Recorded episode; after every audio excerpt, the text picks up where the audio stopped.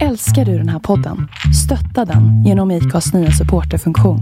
Det är helt upp till dig hur mycket du vill bidra med och det finns ingen bindningstid.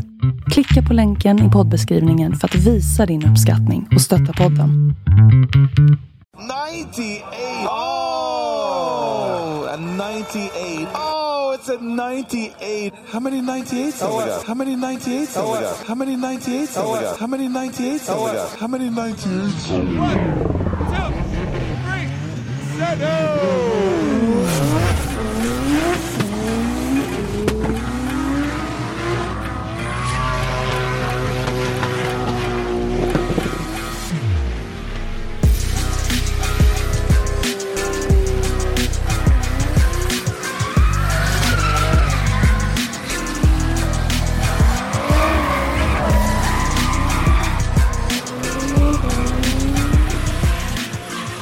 Ja, grabbar, Ferropolis. Banan där poängen flög både till höger och vänster i mängder. Tjena, välkomna! Henrik Andersson heter jag. Christer Hägglund och Robban Sandberg. Och ni som inte har förstått det så är det förstås ett nytt avsnitt av Driftpodden. Självklart. Allt väl? I vildan? Ja, äntligen semester allt jag säger. Oh, den där satt fint. Japp. 25 augusti är idag. Du är lite sen på bollen. Eh, ja, fast jag tänkte att jag skulle skita i det här med att drunkna under min semester som alla andra verkar ha gjort. Så jag tänkte, att nu kommer det bli finväder. Yeah right. Nej men det blir väl sådär att när man, när man är ny på jobbet så får man ta den tid som passar. Nej men jag brukar inte ha liksom sådär fyra, fem veckors långa semester. Det här är en av de längre jag kommer ha på, som jag haft på länge. Jag ska ha två veckor i rad nu. Jag brukar inte liksom vilja ha något. Ja, vad fan ska man göra under semestern? Alltså, jag har inget torp att åka till eller en gräsmatta som måste klippas eller något sånt här. Den, ja, ja. Har ni inte ett torp uppe i Jo, men vad norra Finland? Ja, men dit åker vi inte på semestern i år. But Jesus. har, har, du, har du åkt förbi en mack den senaste tiden och sett vad en liter diesel kostar? Så ni väntar tills den blir billigare? Ja, ja nej, nej jag Ja. vet inte. Vi, vi har båda två, jag vet inte, både jag och min fru har väl lite korta semestrar just nu. Vi tänkte väl ta lite längre i vinterperioden här. Ja, alltså det semester i all ära, men den här sommaren har ju inte varit så jätteintressant. Jo, om man har gillat dagmask så har det varit jättebra. Jag har sett massor med dagmask. Ja. Och de som gillar att gå ut i skogen och, och plocka grejer har säkert varit bra för dem. Ja, vi, vi har ju en, en, en kompis till min fru som har hennes stora passion här i livet att gå ut i naturen och plocka med sig random stuff hem. Och random stuff är oftast bär och svamp. Så vi har ju, har ju skitlyxigt. Hon brukar komma in, hon, verkar gilla plocka mer än hon någonsin kan äta. Så vi brukar, vi har en sån här kunglig hovleverantör av diverse saker. Så det är jäkligt schysst. Sen har vi kantareller mer än vad jag trodde det var ens existerade i det här landet. De ligger Är hemma inte hos det oss. där en del av sjukdomsbilden, det där maniska plockandet? Det är lite samma som de som eldar med ved. De skulle klara två och ett halvt världskrig med veden de har eh, undanstoppad liksom. Ja, en, en, en annan tycker jag om att liksom löka då på semestern. Liksom det ska vara manjana. Största anledningen att min semester infaller just nu, det, det är att det släpps ett spel. Här är jag 52 år gammal. Planerar min semester efter ett dataspel släpps. Nej, så jag tänkte spendera lite tid med att spela lite spel och sen ska vi ut och röra på oss också och se lite. Men Ah, hösttid skönt. kan man ju fota lite astrofoto och sådana saker, så det är lite kul. Ja, men det finns en hel del sånt. Oh, Eh, ja. Det har varit fullt ös på driftingvärlden i alla fall. Ja, även om vi inte har varit så jävla aktiva där så kan Nej. jag säga att det, andra har har haft- mer för sig än vad vi har. Vi har haft det här så kallade livet som har liksom dragit det i oss. Yes. Det har varit eh, Iron Drift King. Det har varit DMEC. Och det Ja. har varit eh, Swedish Power Drift Series. Yes. Mm. en tävling som jag faktiskt hade tänkt, planen var för mig att åka ner under eh, Drag Race SM, så, eller Street Race SM och fota där. Men då hotade det med att bli crapväder så jag wussade ur det för jag tänkte att sitta på och köra i fyra timmar söderut för att sen titta på när det regnar för att sen vända och åka hem igen kändes inte som någon så här höjdare grej. Så, så jag, tyvärr så hoppade jag faktiskt den tävlingen. Det är lite så här i efterhand så hade det varit kul, för de lyckas ju köra ändå. Och de där är lite hårdare än de här grabbarna som åker toppfjolbilar. De har väl kanske lite bättre, mindre effekt och lite bättre förutsättningar om det är fuktigt på marken om vi säger så. Så det vart ingen powerdrift serie för mig den tävlingen i alla fall. Nej, det är lite synd. Jag hann inte iväg heller. Men vi har resultat i alla fall. Mm. Har vi med oss. Men Mm. vi kan, ska vi börja i rätt ordning då? Iron Drift King är ju alltid en tävling som går före DMEC. Lite grann. Mm. De är Som en lite pre- förband till. DMX. Ja, ja, en pre-show kanske. Typ. Och ja, Jag hade väl en del svenskar som var med och skulle fightas där var väl meningen, men det var väl egentligen vi hade mycket svenska med. Ja, Mm. men eh, det var väl en som kvalade in då tror jag. Ja, det, eh, det var ju, det blev ju inte alls som, eh, som vi hade hoppats på i alla fall. Nej, det var ju ingen svensk fest när det gäller den biten kan jag säga. Nej, så var det ju. Och jag måste säga att jag, jag har faktiskt bara sett topp 16 av den här tävlingen på grund av livet och hela den grejen. Det hade ju varit, Mm. den helgen hade det varit typ 24 timmar i två dagar i sträck i drifting om man skulle ha följt hela det här. Mm. Eh, ja, Vi eh, fall- gick ju igenom listan lite grann förra, förra gången. Vi Mm. kan väl fräscha upp den lite grann eh, med eh, de, de svenska namnen. Eh, Kevin Brunberg, Andreas Lilja, Filip Navrocki, eh, Rickard Lord. Vi hade Pontus Karlsson. Vi hade Alfred Grindberg, Viktor Wettermark. Eh, och Martin Eriksson. Men Grindberg hoppade väl den där tävlingen för att han Grindberg skulle hoppade, spara stämmer, ja, sin precis. bil var det väl. Så var det. Det var väl ett ganska klokt och vettigt val. Sen eh, det enda jag vet är väl att Brunberg han lyckades köra sönder sin nya dyra kardan ganska rejält. Så det var väl lite hugget som stucket om han skulle ha varit lyckats kvala in i stort sett eller åtminstone vara med i tävlingen. Men han lyckades ju faktiskt få ihop delarna så han var ju faktiskt med där. För det var väl han, och nu ska jag försöka komma ihåg här. Det var Brunberg, Lord, Micke är de som battles som jag såg. Fan, det är skitdåligt. Jag bara, för det var det, man hade den på i bakgrunden så har man 4050 andra saker man ska göra samtidigt. Så det var inte sådär supertittande på den. Men det var i alla fall, Volvo-gänget var i alla fall med där och fightas såg jag. Det var väl inte Mm, någon, det var inga extrema större framgångar. Den som lyckas bäst var väl Lilja.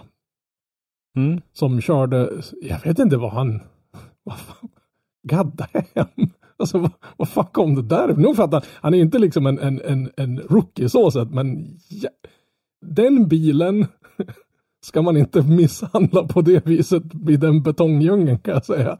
Han, han körde som han hatade sin bil tror jag. Eh, så har det väl nästan alltid sett ut när, när Andreas Lilja går ut.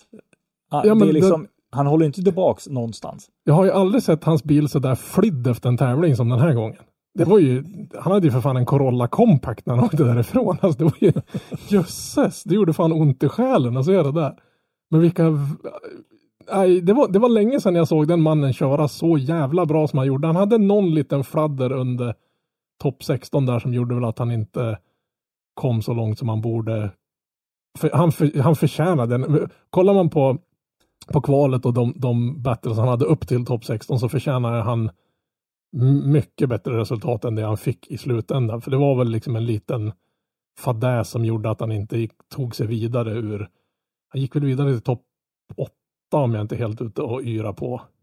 Och där tog Mm. det väl stopp på grund av lite, jag, jag, jag kikade igenom topp 16 nu i, i eftermiddag här så jag har gjort några små Mm. små noteringar. Det är väl inte så jäkla många battles som, som var, vad ska man säga, något, något extremt mer än att Kvia som kvalade etta i tävlingen. Han åkte ut i topp 16 mot, oh, vad heter han, heter han Sieber, uttalas det så? S-E-E-B-E-R. Mm. Och så, Lite intressant att eh, Kvia kvalade etta i båda tävlingarna. Ja. Både Iron Drift King och DMEC. ja, och, med, och med tanke vi kan på, Ju, ja, vi kan ju även flika in lite. Ja. Eh, Vi kan ju flika in en liten snabb grej också att det var ju även wildcard-kval. mm, Det var ju inte Ja, att man vann till- wildcard utan man hade ett kval för ja, de hade ett separat kval för att komma med i DMEC-tävlingen va? Ja, Mm. och även det tog ju Kvia hem. Gjorde han väl? Ja, det borde han ha gjort. Jo.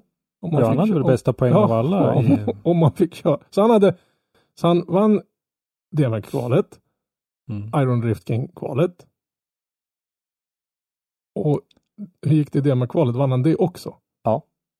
Mm. Han vann Va- va- tre wildcard-kval. kval. Men jag, IDK och det med kvalet. Men Så han- hade han inte, han inte kunnat fått vinna den där jävla tävlingen? Vad fan, någon jävla rättvisa får det ju finnas.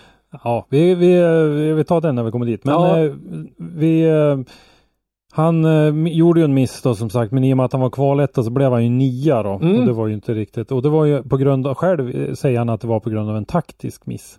Jag, jag vet inte vad det var. Det, det såg ut som Nej. han launchade in där när han var i Chase sen då i, i topp 16 där mot Sieber så, så gjorde han först en, en bra lead. Han gjorde en kvia lead. Alltså det, Mm. är också så bra så det är boring. Men det, det är en jävla fart, klockren linje. Men sen då när han var i Chasen så såg det ut som att han tänkte försöka hålla Prox redan från, från, från launch i stort sett. Så det var väl det att han kom in lite för fort in mot, eh, vad blir det, det blir väl eh, jag vet inte, är det zon 2 eller zon 1 som är vid muren? Vi kallar den för zon 1. Bara, ja, skitsamma, första mursvepningen så att säga. Där såg det ut Jag tror att zon 1 är precis vid eh, Ja, det- det- initieringen Ja, okej. för Då- där då- är nog tvåan. Ja, då, då är det zon 2 där. Det såg ut som att han kom in lite för het där så att han var tvungen att väja undan eller ställa upp lite. Och då såg det ut som att det greppade alldeles för mycket i, i framhjulen på honom. Så han rakkörde en bit där och då var ju... För, för, helt, han var tvungen att, när det rä, greppade så det upp han var tvungen att parera för att inte sätta bilen i muren helt enkelt. Och så då var ju den liksom matchen över där då.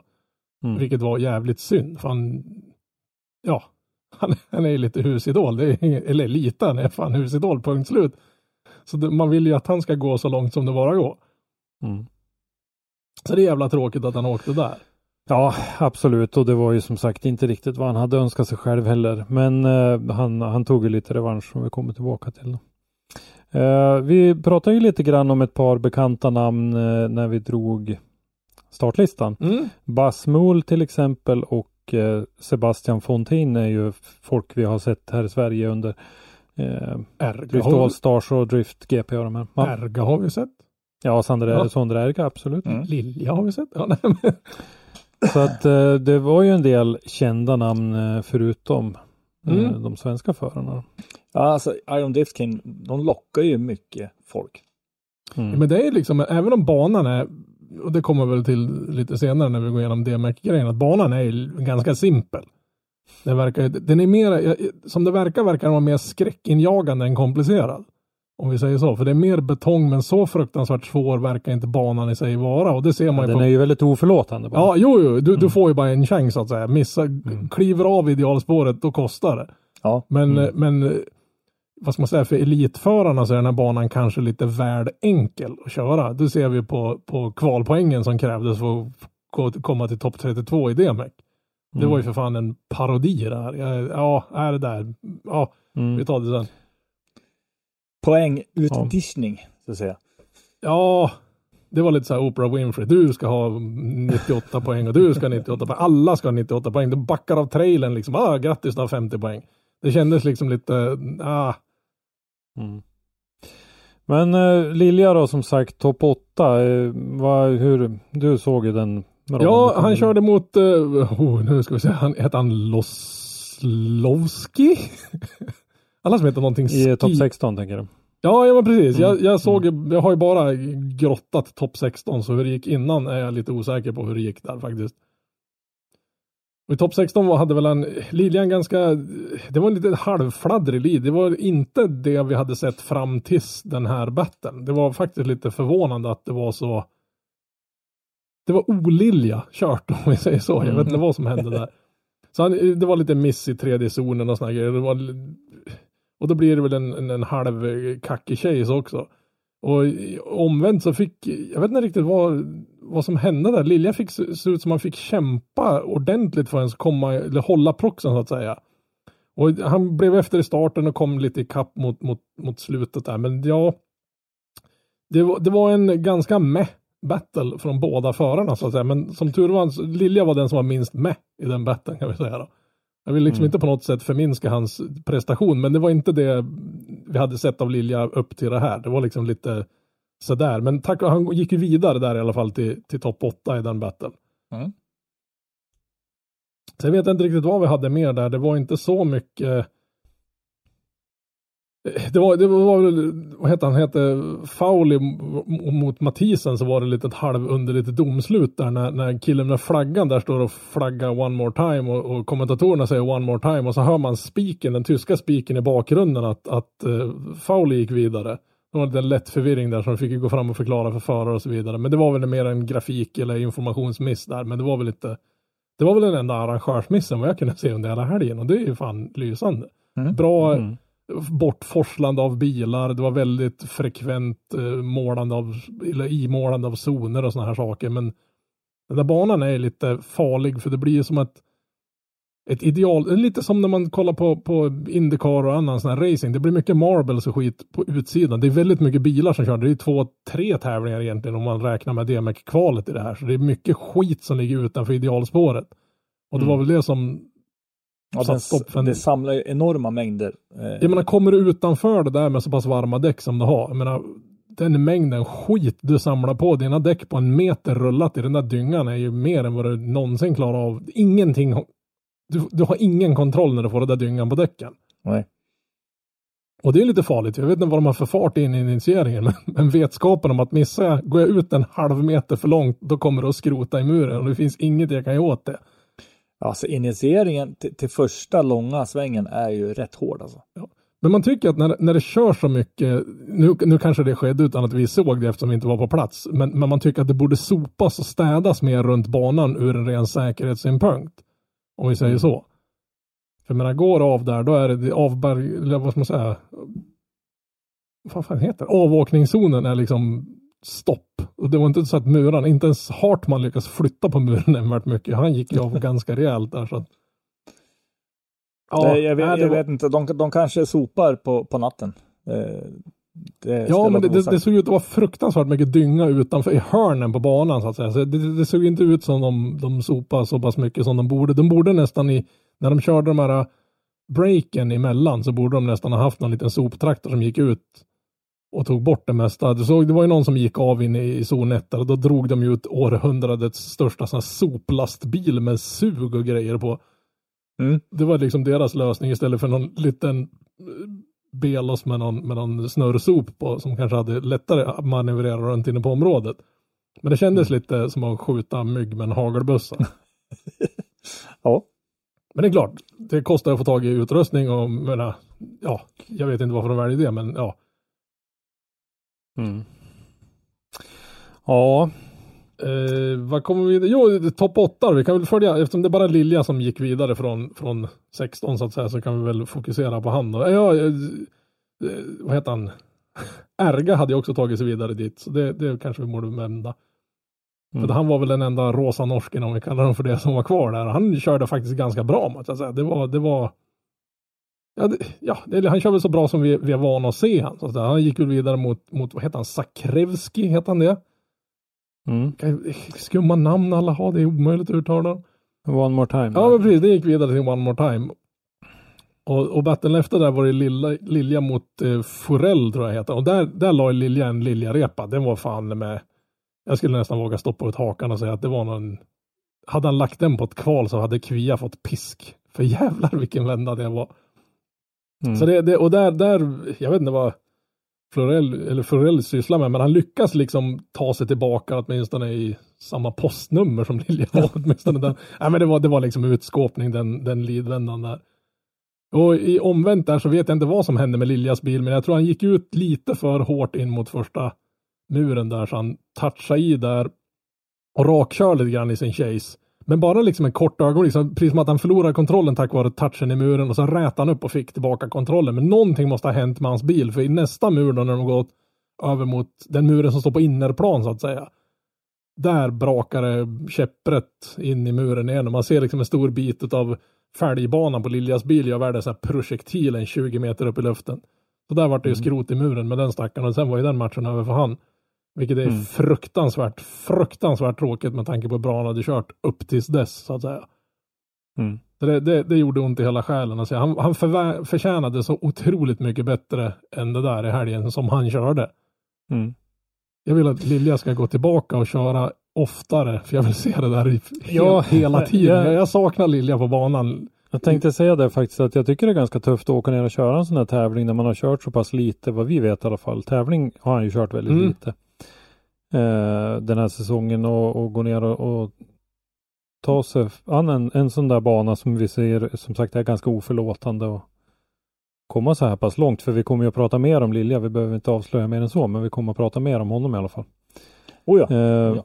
Så att eh, det, det, det är tufft gjort. Eh, Topp fyra då, Sakrevski mot Basmul. Det var eh, Basmul vidare där och Sebastian Fontaine mot eh, den här Forell då. Mm. Så gick, eh, där var det lite, där, där var det ju från, jag vet inte vad, vad Forell pysslade med det, men, men Fontaine han tänkte i alla fall att han skulle, när den där gröna lampan tänds då tänkte han coolt, drifting och så for han. Och den där killen pysslade med, han satt väl och swipade och Tinder-dejtade eller någonting sånt där, men han, han var kvar där. Det var det, alltså, det är nästan så Fontaine hade initierat innan Forell hade fått bilen nu i, släppt kopplingen så att säga. Så han var ju aldrig ens nästan med. Där, jag skrev det, han har aldrig sett någon blivit så otroligt rastad och aldrig fått ett hundben efteråt. Liksom. Det, var, nej, det var fan inte så roligt att se.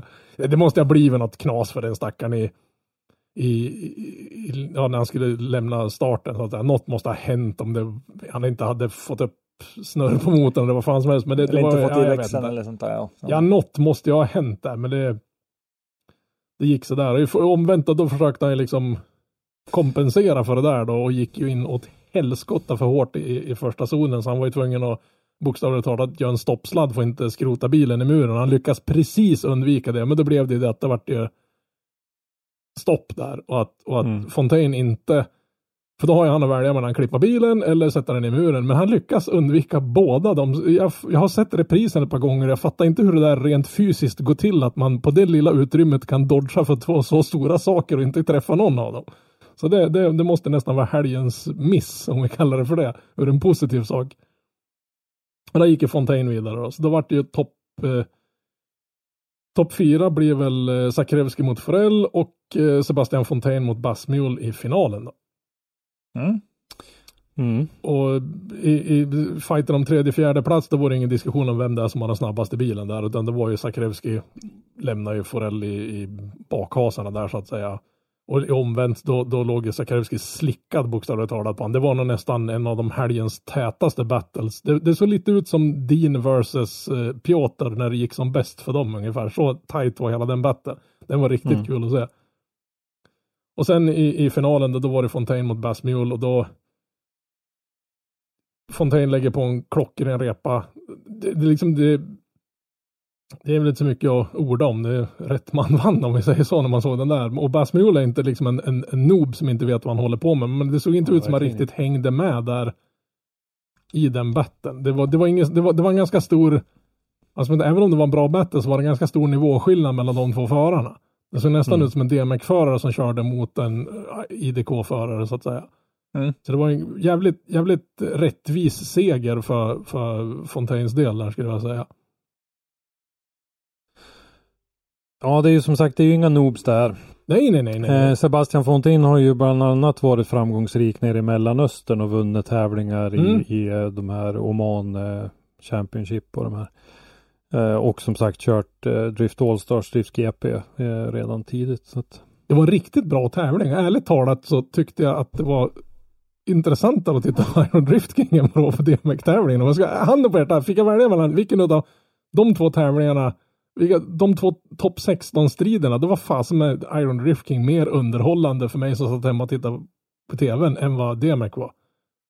Mm. Det, det tycker jag säger en del om hur tråkig DMX-tävlingen blev. Ja, nej, men alltså det, det var väl en bra tävling det också, men in, det var inte lika underhållande. Den var inte lika spännande egentligen. Nej, det var inte, det var inte den här upsets som brukar kunna komma liksom. Det var... Nej, inte, men så är det det att det, det är en helt annan eh, typ av drifting så att säga. Jag har väl inte riktigt köpt det här med dragracing driftingen som, som DMEC kör. Jag vill hellre ha lite mera tight, lite låg fart, lite mera snurvligt så att säga. Ja, men alltså, jag tror, jag tror att alla vill ha mer, alltså en mer teknisk bana så att de får jobba mer. Mm. Det ska inte vara självklart Men- att liksom bara kunna... Ja. Ja, men det, men det kommer vi lite tillbaka till sen. Jag, vill, jag vill få ner farten helt enkelt så att det blir tajtare så att det är mindre Mindre grepphets och, och, en, och, och mera fokus på, på stil och, och vinkel så att säga. Ja. Inte bara... Jag, jag skulle ju säga att det där har ju bedömarna ganska mycket i sin hand eh, i och med att de, de kan ju lägga en bana som i princip blir omöjlig att köra med de här greppnivåerna Mm. som, som de har på de här bilarna nu. Men på det här Eh, det kan- området är det väl kanske svårt att lägga någon annan bana än Ja, den, det kan det den, vara. den de har. Vi då. kan väl nämna det att förutom de här svenska förarna vi nämnde i, i Iron Drift King så hade vi även en svensk bedömare i Mattias Jönsson. Mm. Eh, som ju har varit där, det måste ju vara åtminstone tredje året han är där Mm. och dömer Iron Ja, om Drift det, om, fjärde det, kanske. om det stoppar tänkte jag säga. Han har väl alltid Ja. varit där. Ja, nej men. Ja men han brukar ha hem och deklarera emellan. Ja, men det deklarerar verkligen Jönsson. Det där måste vi ha ett eget avsnitt av. Ja, nej. Men eh, Är, är ni skatt, vi, skattmasa så får ni inte lyssna på det här avsnittet. Då vi ni dra kan väl helvete. knalla vidare till eh, DMX-tävlingen då. Mm. Eh, från det där. Och där, vi har faktiskt inte hittat någon lista över det här eh, eh, wildcard-kvalet men vi har ju några namn i eh, kvallistan till eh, till Drift Masters då, i topp- de som kvalade in till topp 32 som vi vet var wildcards. Vi nämnde ju nyss att Tor-Arne Kvia blev kvaletta. Mm. Och han var ju en av dem.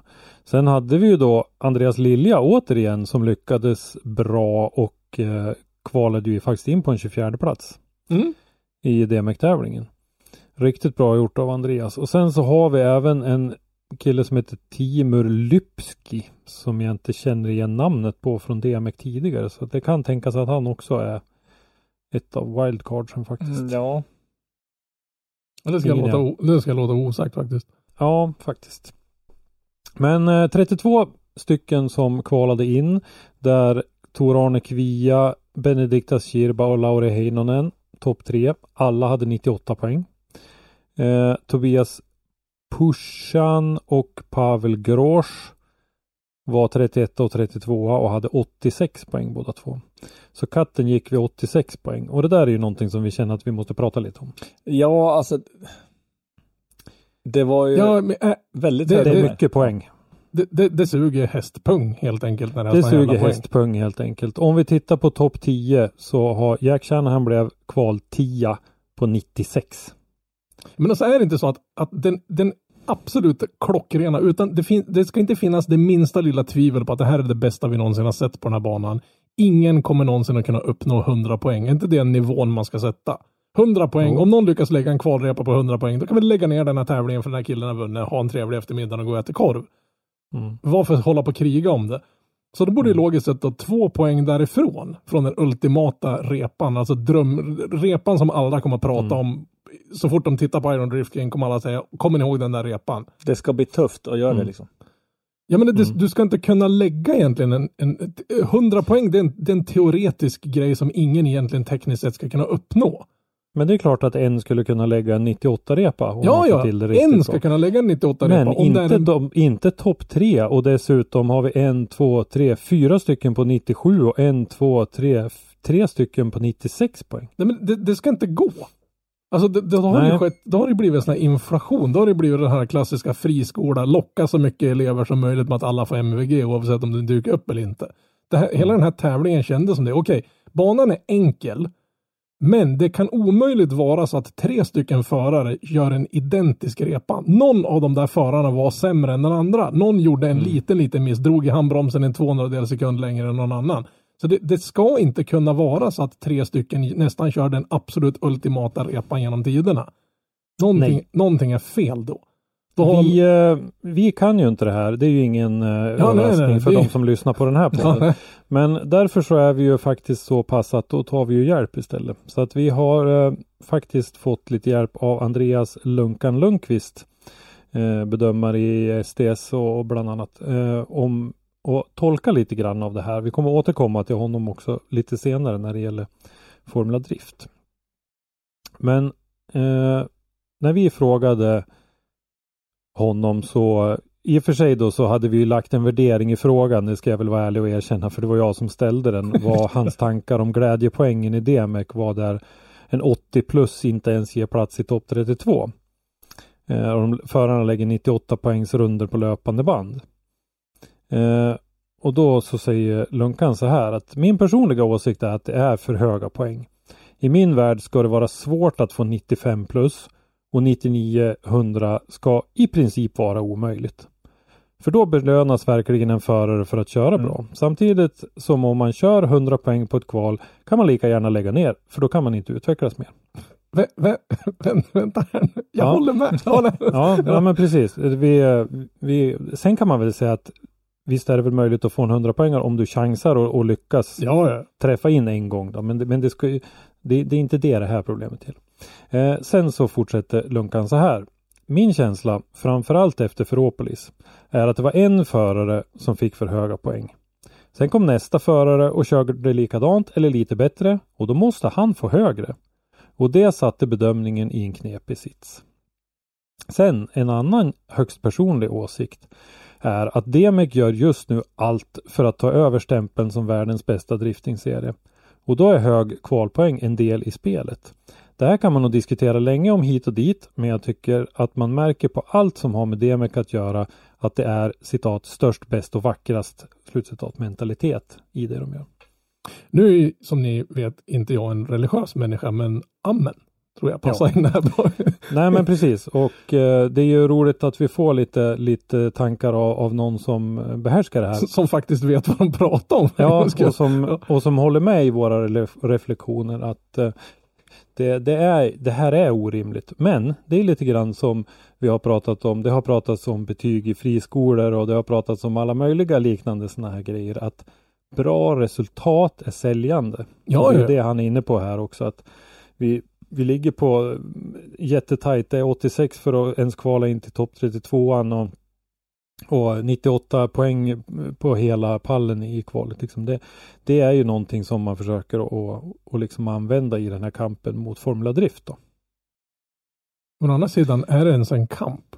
Alltså, Ja, i, I min eh, värld är det aldrig en diskussion om vilken av de här två serierna som är nummer ett och nummer två. Nej, jag skulle tro att Formula Drift eh, beg to differ, men eh, det Dels är det ju en, säkert en liten PR-grej också att locka på sådär. Men sen får man ju alltid säga, det, det är dock en bedömningssport. Alla sporter som har, vad ska man säga, personliga tycken och åsikter kan färga ditt, ditt resultat så att säga. Så låt säga, nu, nu vill jag inte säga, och det, det här är en sak som sker både medvetet och omedvetet. Och det finns det driver med vetenskapliga studier om att, att eh, din, du, du kan vara o, vad ska man säga, omedvetet partisk eller bias omedvetet på grund av att om jag skulle sitta där som domare till exempel, så, oh, kolla här, här, här kommer Hartman in, han är svensk. Jag har pratat med Pontus förut, jag tycker han är en trevlig kille. Då kommer han automatiskt att få lite mer, omedvetet kommer jag ge han lite mer poäng. Man, man tittar med har andra ögon ja. ja.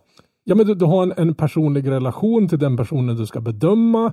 Den kan komma från samma nation som dig, den kille du har umgåtts med tidigare. Det kan vara en av de här gamla rävarna i DMEC. Som Piotr kommer ju alltid få bättre poäng än, än, än Lilja till exempel i ett kval. Även om Lilja skulle lägga en identisk repa som Piotr så skulle Piotr få högre poäng än Lilja. För i bedömarnas värld så är Piotr världsstjärnan i det här och Lilja för dem en okänd individ. Så ur den aspekten kommer det alltid att påverka. Nu vill inte jag säga att de sitter här och tänker liksom, att den där killen känner jag, så, så ska han automatiskt få 25 poäng mer. Utan det är en sak som, som sker omedvetet och det är någonting de har haft jättestora problem med till exempel i konståkning. Där de till och med har börjat fundera och överväga att de ska plocka in domare och bedömare till konståkningen som inte har någon relation eller kommer ifrån de länder som de ska bedöma. För att det inte ska kunna bli partisk. Alternativt ta in typ 23 domare som sätter ett domslut och sen tar du ett snitt av det. Så tre bedömare kanske är för lite för att få bort det. Men, men det, det är liksom bara någon sån här studieflum runt omkring. Men, men man får ju ta i beaktning också att det, det kommer ju alltid vara lite svårare för en okänd att slå sig in, även om den okända gör ett likadant resultat. Som ett exempel var det en liten diskussion om, om Wettermark och Simon Olsson tror jag det var. Där de två Ja. lägger två stycken, båda två o- missar på lite olika ställen, men i övrigt så ser fan kvalerna identiska ut. Alltså de, de gör, den ena gör en miss i zon 2, den andra en miss i zon 3, men övrigt så är zoner, de ligger lika djupt och lika grunt i zoner, lika många Mm. jag, antal. jag tycker att Siemens runda var lite bättre. Men den var inte 17 poäng bättre. Nej, den var definitivt, den, den var Definitivt kanske inte. 2-3 poäng bättre, men inte Ja, 17 den var poäng bättre. poäng. Och där tror jag att det faller in på den här lilla biasen. Här har du en känd kille som till och med Ja. tävlar i Formula Drift, det är en kändis, och här har vi en kille som, som- det är mycket bass om just nu också ja, dessutom. ja, som vi inte vet så mycket om. Mm. Och då får man lite, och det, och det kan vara, det vill jag inte säga, det, det, det är garanterat inte en medveten handling från dem, men det, är- det är den här, oh, nu kommer jag inte ihåg vad den heter, men det, det är någon sån här bias om, om att du ja, omedvetet kan, kan påverka dem. Jag, jag, har en, jag är en sån här vetenskapsnörd, så jag, kan, jag har en sju, åtta studier om någon som vill ha dem så kan jag mejla dem vidare till det. Så det här är liksom någonting som har forskats på, så det är liksom, finns det vetet- vetenskapliga belägg för det påståendet att en, en omedveten sån sak kan ske. Och det, det gäller ju samma sak om, om vi tittar över all sport. Har du en domare med så har du den risken också. Ja, för här är det inte en sport där den som de startar på bakom samma streck och den som kommer först över mållinjen har vunnit. Där är det ganska uppenbart, eller vem som gjorde någonting högst eller Ja, längst. Eller, någonting så här. Men här är det ju, det, det är klart, det finns ju vissa kriterier du måste uppfylla, men det är fortfarande tjuven och sist är det någon som tycker någonting som för, baserar resultatet Mm. på. Ja, sen då så det var ju faktiskt så att Andreas Lilja var den enda svensken som var med in i topp 32 som sagt in i stegen då. Eh, och där han fick möta Adam Zalewski i eh, topp 32 och eh, tyvärr så eh, blev den incomplete på Lilja. Eh, jag har inte sett den battlen så jag kan inte säga någonting om den men eh, det är så det slutar i alla fall. Och eh, Zalewski är ju ingen, ingen lätt förare att möta. Eh, även om han inte haft de framgångarna nu i år som han säkert hade hoppats på och vill. Jag vet inte riktigt vad som har hänt med han där, för det, det känns ju Nej. som att det har gått, det varit väldigt mycket stolpe ut om vi nu ska återgå Ja. till ett tråkigt utnyttjat eller uttjatat begrepp. Mm. Eh, Joa Pöytelax åkte på Piotr Wiesek i eh, 32an. Eh, om vi ska dra några, några namn. Eh, Örjan Nilsen åkte ut mot Oliver Randalu. Eh, ja, det var väl, tycker jag, de Det, det, var, det var väl allt. intressanta i, i, i just 32an då. Men eh, topp 16, eh, Kvia håller kvar, fortsätter. Jaha, Jag vet inte vad vår, vår kollega riktigt håller på med. Nej, men- kamera är överhettad. Jaha, Så jag blir bildlös. Men det är lugnt. Sådär. det blir. Det är för mycket Onlyfans Henke. Jag har ju sagt Ja. det. Du, får, du måste, innan vi ska spela in podd, då får du åtminstone ha en timmes icke Onlyfansande. Vi får lägga in det i våran almanacka Robban att vi går in och kollar på Henkes Onlyfans att han har stängt ner Ja, livesändningarna precis. innan. Men, men det, det är, vi pratar om det här med din bomber och grejer grabbar. Jag, jag, jag klipper podden. Det blir din lott att titta på Henke på Onlyfans. Eh, Piotr vänta. Wiesek, Jag ska bara gå Ja. efter lite. Jag måste bara tvätta bort den här mentala bilden. Jag har just...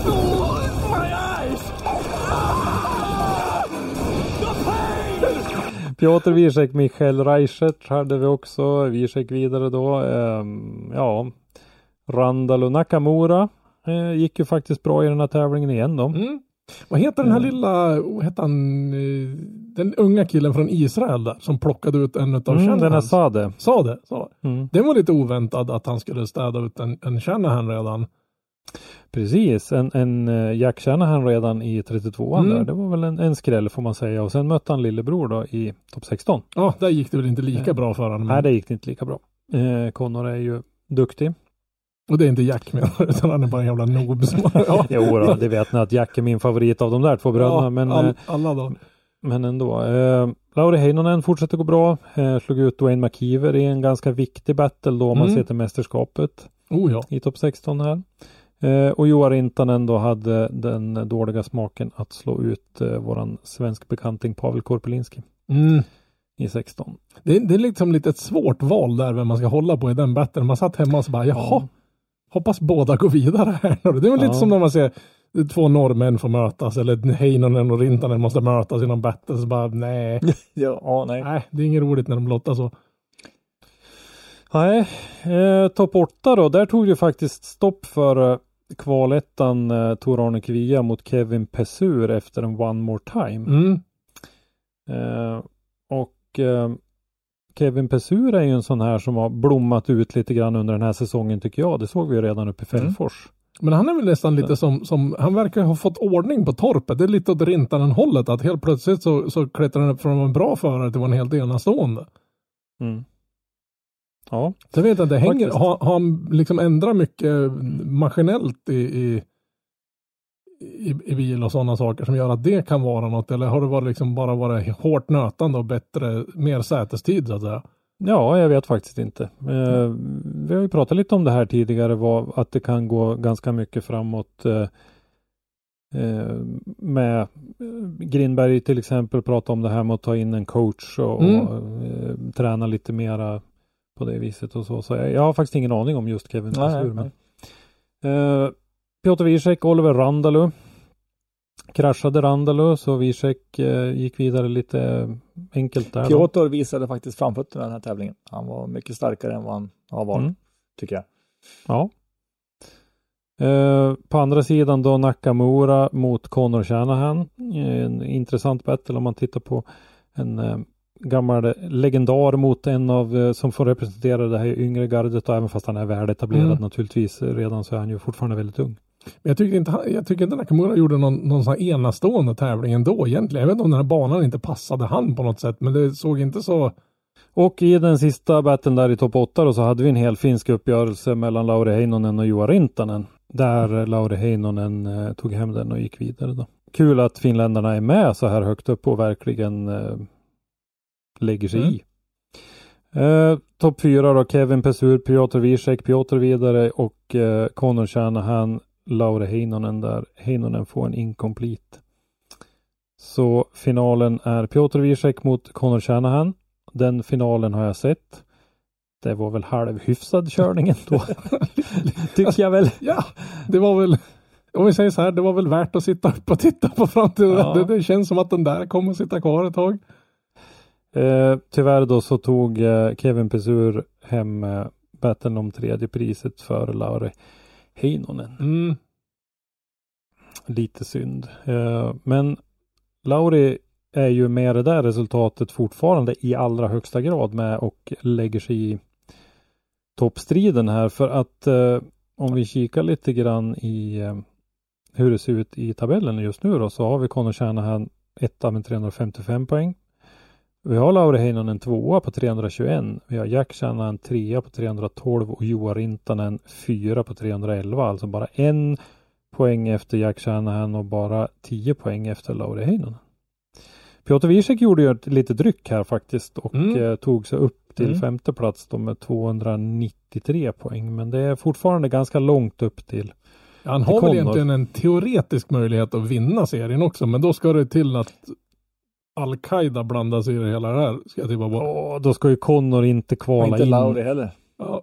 Nej, och, och känna att han ska och åka. Ja, och Lauri kan nog få kvala in men åka ut i 32. Ja, han får inte komma högt upp. Kanske. Nej. Nej. Mm. Nej. Och det, det, jag finner det ganska otroligt att Piotr ska vinna. Jag tänk, om vi säger så här, jag tänker inte lägga några större summor pengar på att han ska vinna serien. Där, däremot så kan han ju faktiskt eh, nå tredje plats, men, men det, det, där tar det stopp i så fall. Men det är i så fall max, skulle jag kunna tänka mig. Ja, då, men då, då ska det gå riktigt illa för typ Ja. topp fyra om han ska lyckas klättra så pass långt ändå. Ja, men du ser som Jack nu. Ja, jo, han, han blev ju faktiskt utslagen eh, i 32an av den här unga israelen.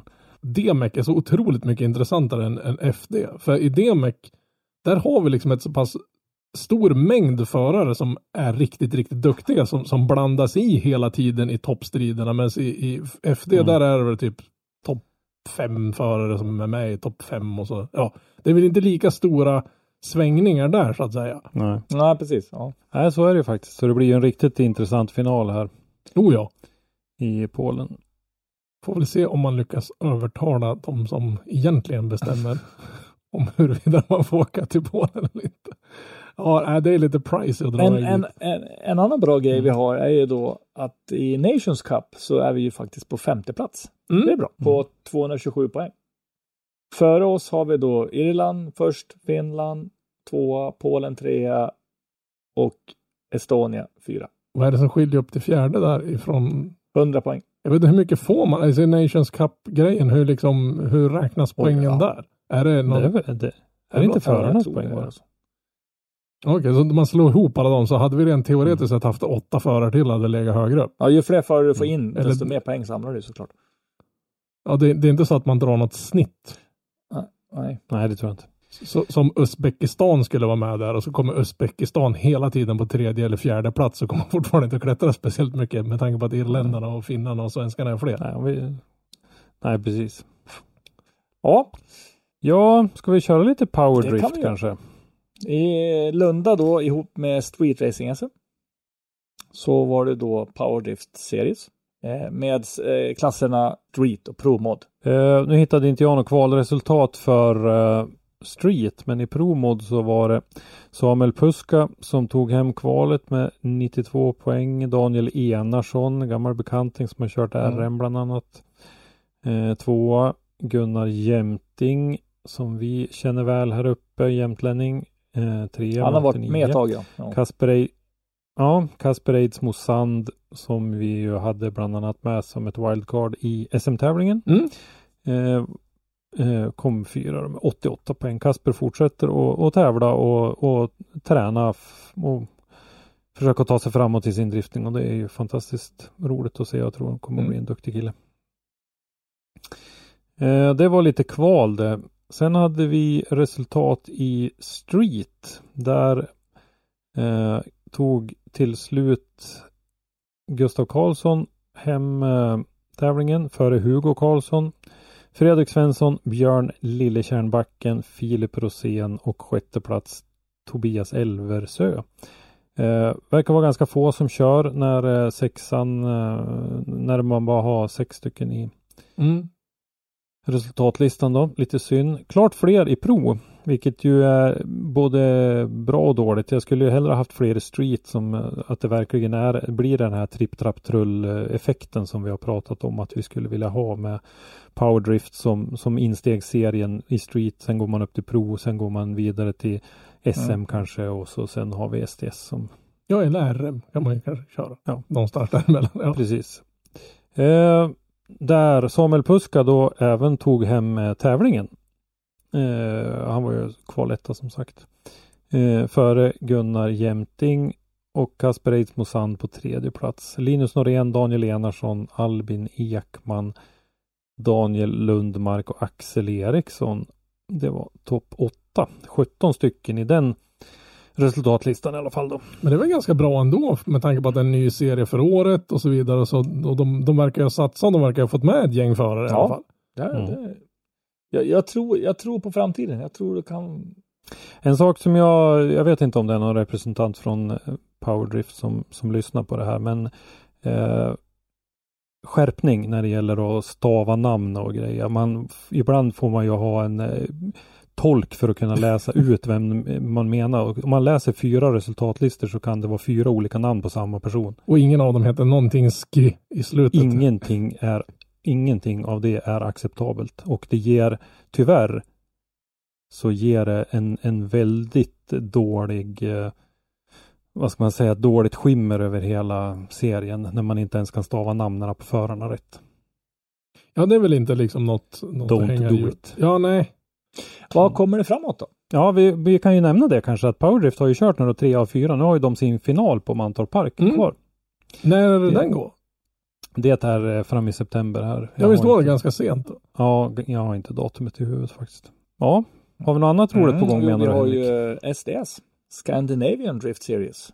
Deltävling 3. Just det. De kommer upp. Det är väl till och med nu kommande helg va? Ja. Alltså nu när det här kommer ut, då är det söndag. Lite i, i ovanlighetens namn sådär. Men eh, Ni lär ju märka att det här inte Ja. är fredag. Eller jo, det här är ju faktiskt fredag. Nu när Ja, vi gör det här är det fredag. Så det, det kommer, vi kan inte skruva tillbaka tiden hur mycket vi än skulle vilja. precis. Eh, där är det ju dags då för, eh, sist, eller för tredje deltävlingen som sagt. Efter två omgångar så har vi ju Johan Andersson i ledningen då. Och sen på andra plats en kille som jag inte har hört talas om så mycket faktiskt. Men jag tror han är norrman. Han heter Tor Arne Kvia tydligen. Jaså? Vad, vad, vad? Ja, men jag har hört talas om honom någon gång. Ja, jo. Eh, trea Kristoffer Syvertsen, fyra Alfred Grindberg och femma Ole Peter Vatten, Filip Ågren sexa. Eh, det där är ju spännande grejer. Johan Andersson var ju en av dem som vi tippade högt i den här serien redan från början.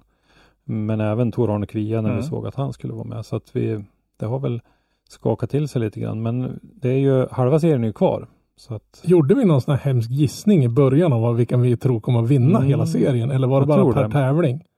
nej, jag tror faktiskt att vi gjorde det. Så vi får nog titta tillbaka lite. Så det här blir alltså sen. sista avsnittet av Driftpodden. För jag vill inte, jag vill inte skämmas. Men, men om nå, någon Nej. Här ute i vårt kärland eh, trodde att Johan Andersson inte skulle höra hemma på en större arena så eh, det stämmer ju inte. Då, då hade de ju fet fel till att börja med. Så då får de ju gå och bättra sig. Så är det inte. Han har ju vunnit den här serien förut när den hette Gatubil Drift Series också. Men det har vi på gång. Eh, sen tänkte vi faktiskt ta lite grann om det här med bedömningen i Formula Drift. Anledningen till att eh, Lunkan tog kontakt med oss eh, var faktiskt det här med att vi frågade om eh, eh, varför man har gått tillbaka till eh, det gamla systemet i eh, Formula Drift. Ja, Det de hade innan, pre-covid eller? Precis, och eh, då säger han så här att eh, den korta versionen är för att de ska kunna göra särskiljning på för, förare så har de återinfört 100 poäng per bedömare. Eh, den långa historien är att det började under corona när FD valde att göra om kvalet. Först med lottning och sedan med sin knockout qualifying. Och med knockout så fick de problemet att väldigt många av förarna fick samma poäng men eftersom de bara fick en kvalrepa på plats 1 till 24 så kunde de inte särskilja så som serier med två kval kan. Eh, det är det enkla svaret. Sen har gjort, gjort en massa andra ändringar i år och det med särskiljningen är kanske inte enda anledningen till att de gick tillbaka. Eh, så att det, det blir ju lite större spridning på poängen om man gör så där då, då. Men då får man ju det här med decimaler och grejer. Mm. Det ser inte så bra ut. Jag vet inte, jag, jag vill ha ett... Ja, jag, jag vet inte, jag tycker att, att det är ett större problem för driftingen att Det är glädjepoäng än att det är decimaler. Ja, men dels Ja. att det är glädjepoäng. Men sen så tycker jag att jag förstår att linjen är viktig. Men vinkeln och stilen är viktig den också. Och jag tycker att i DMX så har linjen fått alldeles för stort utrymme i, i, I bedömningen. vad heter det, poängfördelningen. Ja. Mm. Och för där, jag, alla, alla säger att jag bakåtsträvar och tycker att det var bättre förr och sådär. Men, men jag tycker faktiskt Men det var att det här men, Ja men att, att eh, 30, 30, 40 liksom Ja. 40 på, på stildelarna var jag, jag tycker att det hör till den här sporten. För nu jag är det tycker väl inte att sex- linjen är så här överdrivet viktig så att den ska ha 60 poäng. Ja, och det är väl 60-20-20 nu va? 60, 20, 20. Och, det, och jag och som tycker det en bedömningssport så kan man ju tycka det att då ska det ju vara mer visuellt. Alltså stil Ja, men så och... rent, rent, rent teoretiskt sett så, om du kör riktigt jävla fort, har lite ställ på bilen, håller linjen, så resulterar det bättre än om du Mm. har bra snygg vinkel och lite stil och finess. Snygga på- överläggningar. Ja, Mm. alltså då har inte man tappat hela driftingen då? Jo. Alltså, Ja, det är precis det jag menar. Så att eh, nej, eh, jag, jag har lite att säga om det där. Jag, de, ni som kan det här, eh, Lunkan, Kvist, eh, Jönsson, ni som eh, känner att ni känner med er att ni kan det här. Ni får gärna höra av er och, och argumentera mot mig om ni vill. Men, men jag känner att det här linjen har tagit för, fått för stor plats. ja men det, det har väl liksom gått över och blivit för, för mycket tävlings... Säga? Det, det, det, jag tror fortfarande att en stor del i det här är det här grepphetset som verkar vara. Mm. Och det är inte kanske bara däcken utan det är väl mycket dämpare och fjädring. Och då blir det den här hastighetsgrejen och det blir mycket dragracing. Och, och FD de har ju sin lång, lång, lång banking och sen så gäller det bara att försöka hänga med i den och se så att du inte hamnar på efterkälken och sen ska du försöka ta er i mål. Det känns liksom som att man har glömt bort hela Hela grejen. Jag, jag satt och kollade mycket på, på efter Japan och sådana saker. Det, det, kvaliteten på driftingen är ju sämre ur, ur kvalitetsmässigt om vi säger så. Men, men underhållningsvärdet och själva drifting eh, ursprungskänslan så att säga är ju mycket, mycket högre där än vad den är i Formula Drift och tyvärr även börjar bli i DMEC också. Så jag tittar ju, det är, ju, vad ska man säga, så för mig som sitter hemma som noob och tittar på det i soffan är ju efter Japan mer underhållande som publiksport än vad, för där, där är det mera fokus på hur driftingens ursprung är och showen så att säga än, än resultatet känns inte som det är så jävla superviktigt alla gånger där bara det ser bra ut liksom. Och där hör man ju också liksom, de kommenterar ju mer om hur bra någon håller vinkel i förhållandevis till, till i sin chase i förhållandevis till leadbilen än att det går fort och att det är nästan viktigare att du, du försöker efterapa leadbilen än att ni båda håller ett linje igenom. Men vi har väl inte så jäkla mycket att orda om egentligen mer än att eh, vi ska försöka bättra oss lite på frekvensen i vårat eh, poddande. Det har väl varit mycket livet kommer i vägen så ja, vi har haft lite strul både ja. att se, se tävlingar och vara närvarande. För det har väl varit mycket arbete och annat. Ja, det har varit extremt mycket för oss allihopa. Det är liksom och sen tycker man ja. att man är klar. Bara, nej, ja. då har vi hälften kvar. Ja, men, ja, men precis. Och så är det att, att du fokuserar på en driftingtävling en helg så måste det ändå vara på plats. Då går hela den helgen bort. Eller så måste du sitta hemma och titta på den på tvn och då går hela den helgen den bort. Och det är bara, man har ju bara lördag, söndag ledig där man ska hinna med allt som man inte hinner med precis. under vardag. Eh, sen har vi börjat spåna lite på vinterns förslag vad vi ska liksom försöka vilka vi ska prata med, vad vi ska åka iväg och göra för vad ska man säga, hemma hos reportage hos. Min plan har alltid varit att åka och snacka lite med Motor Nord och Roger och dem om deras syn på på hästkraftshetsen, om vi nu kan kalla den för det, att alla ska ha så mycket effekt som möjligt och liksom om han har några vettiga tips för, för up and comers om hur man ska vilken väg man ska ta ja. ja. Vad man ska tänka på för, by för att bygga stabilare plattform och sådana saker och kanske lite andra företag. Men har ni något tips på någon ni skulle vilja höra i podden? Det behöver inte vara någon, någon driftförare eller någonting sånt där, men någon, någon ni tycker vi borde ta med i, i ett avsnitt framöver så skicka gärna in ett mail mm. med tips om det. Det tycker jag, helt klart. Det var ett inlägg jag tänkte på i debatten med Formula Drift och eh, grepphysterin och allt det här. Och det är ju det att med mycket mer grepp så får du också risken med att arrangören kanske, för att det är häftigt med fart, lägger mm. banor som då håller uppe farten. Ja, men som, som premierar liksom hög hastighet och, och linjetänk mer än, mer än liksom stil och finess. Ja, jag tror det är fel så. väg att gå. Alltså det, och det, där har vi faktiskt en bra diskussionsfråga. Är det på väg åt rätt håll? Är, är liksom linje och hastighet viktigare ja. än stil och vinkel? Och det tycker jag att alla ni som lyssnar på det här, eh, fundera på det, kom med, med input. Eh, tycker ni att hastighet och linje är tuffare än stil och vinkel? Och för guds skull såga oss jäms med fotknölarna. Ja, ja, ja, ja, ja. det, är, det är liksom bara våra personliga gamla gubbåsikter. Det här killgissar på hög nivå.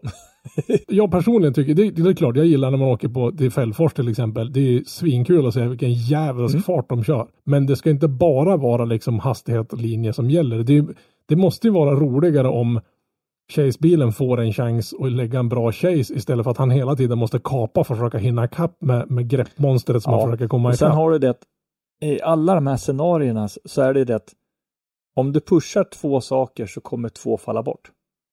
Pushar du linje och fart, mm. ja då faller mm. ju stil och vinkel. Och nu har det väl kanske barkat av lite väl åt det ena hållet så att säga. Men det, det är klart, vad, vad, tycker ni? Är det liksom, är vi på väg åt rätt håll med det hela eller var det, var det lite roligare när det kanske gick lite saktare men det var snyggare och det var tajtare battles där det inte var lika hög vad ska man säga, risken just nu att ligga så här supernära det att om det går, för det går så fruktansvärt fort, går det lite åt helskotta för leadbilen då riskerar ju ja. båda två att skrota. Och du har ju mindre, alltså du har ju betydligt mindre reaktionstid nu.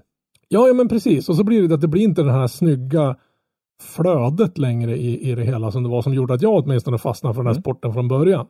Jag som har varit sån här racingnörd i hela mitt liv och så helt plötsligt insåg man fan det här går ju att göra vackert också, inte bara, bara först i mål utan det ja, ser ja. bra ut också. Ja. Så man, man liksom glömmer lite bort vad man säga, kulturbiten runt omkring. Ja, de, de har ju slaktat den helt nästan. Men eh, med det då så rundar vi väl av. Eh, kom yes. ihåg nu då såklart, som jag alltid tjatar om, att eh, gå in och gilla oss på Facebook och Instagram. Har ju Driftpodden på bägge ställena. Vi har Motorsportmagasinet och allting, så gå gärna in och följ oss där så missar ni inte våra härliga killgissningsavsnitt. Men med det så ta hand om varandra så hörs vi. Ha det bra. Hej då. Hej då. Tack för att du har lyssnat. Lyssna gärna på våra tidigare avsnitt och glöm inte att ge oss betyg i din podcastapp. Har du ett ämne eller en gäst som du vill att vi tar med i Driftpodden så skicka oss ett meddelande på Driftpoddens eller Motorsportmagasinets sociala medier. Eller skicka ett mejl till oss på driftpodden gmail.com. I dagens avsnitt har du hört Henrik Andersson, Christer Hägglund och Robban Strandberg. Dagens farbror Barbro var som vanligt Robban Strandberg. Driftpodden produceras i samarbete med Motorsportmagasinet och Powerslide Media AB och produktionsåret var 2023.